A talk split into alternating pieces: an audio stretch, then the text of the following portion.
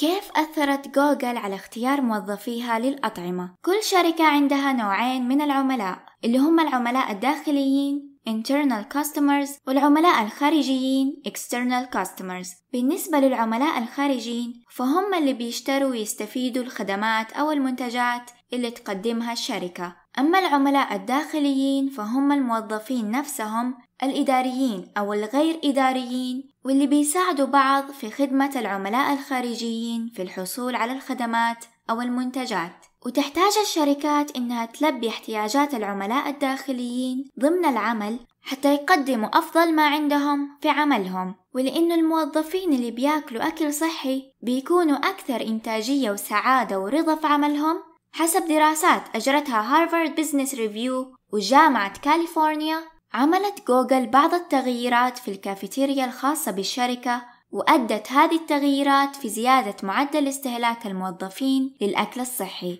بس قبل ما أقول لكم التغييرات اعملوا لايك للفيديو واشتركوا في قناة نورة تدون ويلا بذكر التغييرات اللي عملتها جوجل.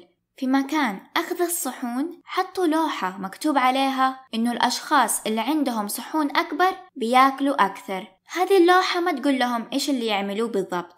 بس بتأثر على سلوكهم وأدت هذه اللوحة لزيادة استخدام الصحون الصغيرة ولأنه الناس عادة تملي صحنها بأول شي تشوفه قدامها حطوا مكان السلطات في بداية دخول الكافيتيريا. وبالنسبة للحلويات حطوها في أوعية غير شفافة وفي أماكن غير واضحة يعني طبقوا مقولة البعيد عن العين بعيد عن القلب.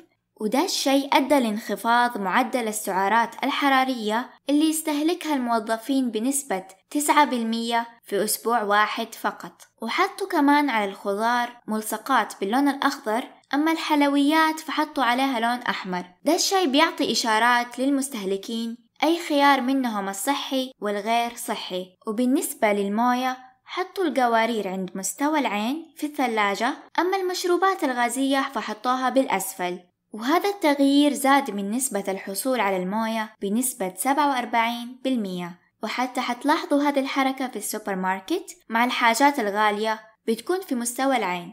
أما البدائل واللي تكون في العادة رخيصة فتكون في الغالب بالأسفل. اللي عملته جوجل درس يلخص في إنه طريقة تقديم المنتجات جدا مهمة وتأثر على اتخاذ المستهلك لقرار الشراء وإدراك القيمة الحقيقية للمنتج. لا تنسوا تعملوا لايك للفيديو وللمزيد من الفيديوهات اشتركوا في قناة نورة تدون. وشكرا لكم.